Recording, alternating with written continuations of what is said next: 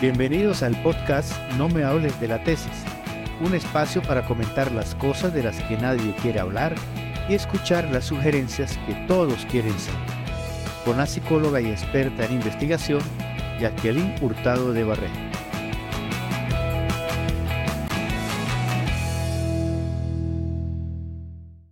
Estimados tesistas e investigadores, bienvenidos y en esta oportunidad vamos a conversar acerca de un tema que nos llama la atención a todos y es el miedo a la tesis. Resulta curioso que muchas personas antes de comenzar el trabajo de grado sienten mucho temor y uno se pregunta de dónde viene ese temor, cuáles son sus raíces. Tenemos que tener en cuenta que el trabajo de investigación compromete aspectos fundamentales de nuestra vida porque estamos tratando de culminar un proceso de formación que va a representar la apertura de muchas puertas en nuestro camino profesional, pero además representa también un camino desconocido. Nos vamos a enfrentar a algo a lo que no estamos acostumbrados porque no hemos venido llevando un proceso formativo en el campo de la investigación desde las primeras etapas de la educación. Aparte de eso, ya la investigación en sí misma es una búsqueda de algo que no se conoce, de algo que nadie nos puede decir y que no podemos encontrar en los libros. Entonces, necesitamos nosotros crear nuestras propias estrategias y apoyarnos también en los métodos que ya existen para poder encontrar eso que estamos buscando. Pero como no tenemos la formación y la preparación, a veces no sabemos cuál de esos métodos es pertinente y cuál es el que realmente nos va a llevar a culminar con éxito nuestro trabajo. En esta oportunidad tenemos el testimonio de Amanda, que nos va a contar cómo ha sido su experiencia para afrontar estos temores con relación al proceso de investigación.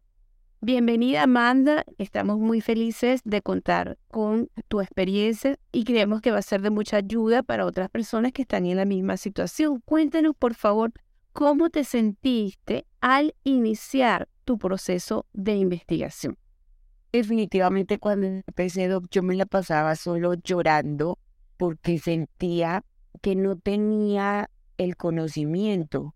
O sea, realmente se llena una inseguridad y miedo como que dice, ah, todos pueden y yo no. Yo creo que la mayoría empezamos con muchísimo, pero muchísimo, muchísimo miedo. Amanda, cuéntanos cuál consideras tú que es el centro de esos miedos o de esas inseguridades. Bueno, esos miedos es como a, a sentirse uno vulnerado y que uno no termina de comprender si lo que está haciendo va a servir o no, si se va a lograr o no, porque lo que uno aprendió, por ejemplo, en maestría para elaborar un proyecto de grado no es tan así, o sea, uno realmente viene con muchas ambigüedades en el conocimiento. Y entonces sentí que como que eso no es y que lo que uno creía que es no, no se desarrolla de esa manera, le genera a uno mucho temor en que de repente no lo va a lograr y el tiempo a uno no le va a dar, porque es como si uno tuviese que empezar de cero a explorar nuevamente las metodologías de la investigación, las clases de trabajo que hay, e encontrarse uno con la frustración que le devuelven muchas cosas, de repente no porque uno no lo logre hacer, sino porque o dejó mucho tiempo de hacerlo o porque la forma como venían diciéndosela no era la adecuada.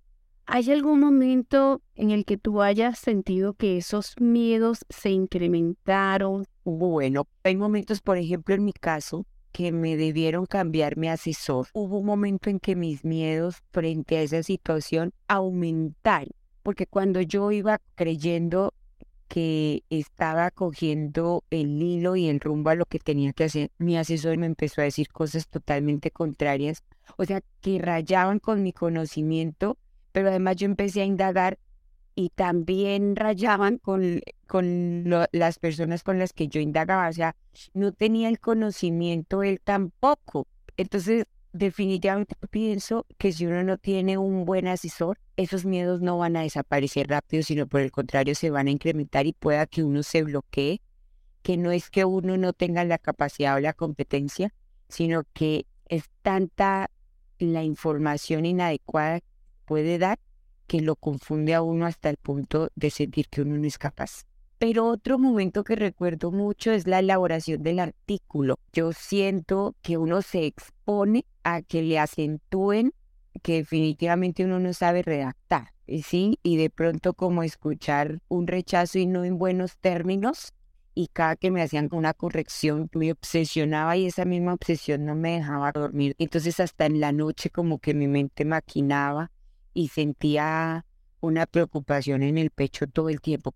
Esto que nos cuenta Amanda es bien importante porque vemos cómo en este proceso de hacer la tesis o el trabajo de investigación surgen muchos miedos. No solamente el miedo de no poder hacer el trabajo, sino también miedos que tienen que ver con la propia valoración personal.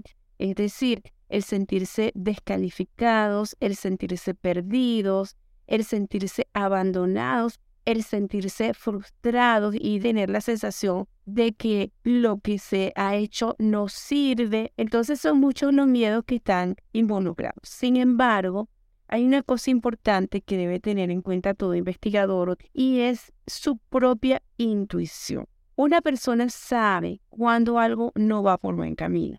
La persona que está haciendo una investigación de alguna manera percibe que lo que está haciendo no tiene una lógica, no se corresponde con lo que está buscando, que ese camino como que no es. Pero muchas veces se ignora esa intuición por seguir una receta, por seguir unas orientaciones de alguien que supuestamente sabe, pero que no necesariamente está tan claro con respecto a lo que uno realmente está buscando. Esa intuición hay que atender. Cuando uno siente que las cosas no van por buen camino, uno tiene que parar, detenerse y empezar a buscar, a indagar y a tratar de ver cómo se puede resolver la situación.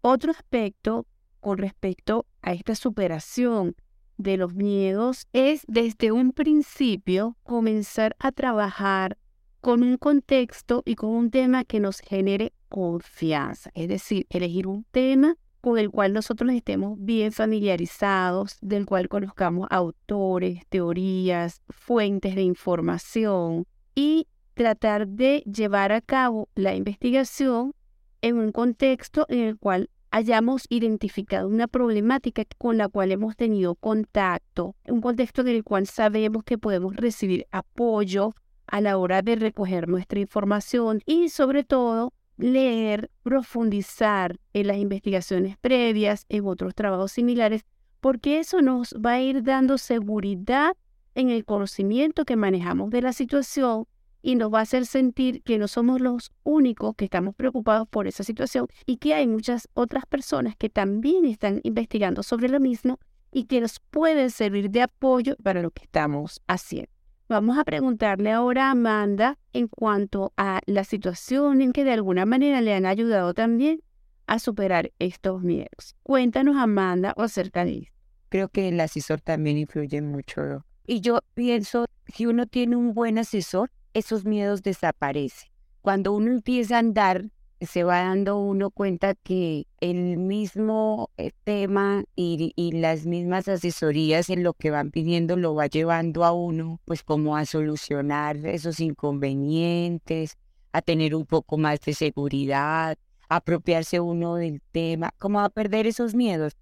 Pero en lo que yo he podido trabajar, definitivamente el proceso es bonito si uno tiene un buen asesor y, y se convierte hasta en algo que realmente uno hace con gusto, porque cuando uno elige el tema que uno quiere, pero le van mostrando que, que uno es capaz, eso realmente lo ayuda a uno mucho. Gracias, Amanda. Cuéntanos cómo estás en este momento. O sea, actualmente estoy contenta, me siento muy satisfecha, o sea, me lleno de mucha seguridad y digo, pero soy capaz, o sea, ¿en qué momento me llené tanto miedo? Eh, actualmente eh, sí me hago esas preguntas, pero a hoy me siento contenta de ver cuando tengo que entrar a revisar el documento, ver lo extenso que está ese documento y decir, ah, y lo he ido construyendo yo, claro, con una excelente asesoría, pero eso es mío y pude y estoy lo estoy logrando. O sea, ya no es tan inalcanzable como parecía que era y estoy muy tranquila hoy ya veo un trabajo que me gusta.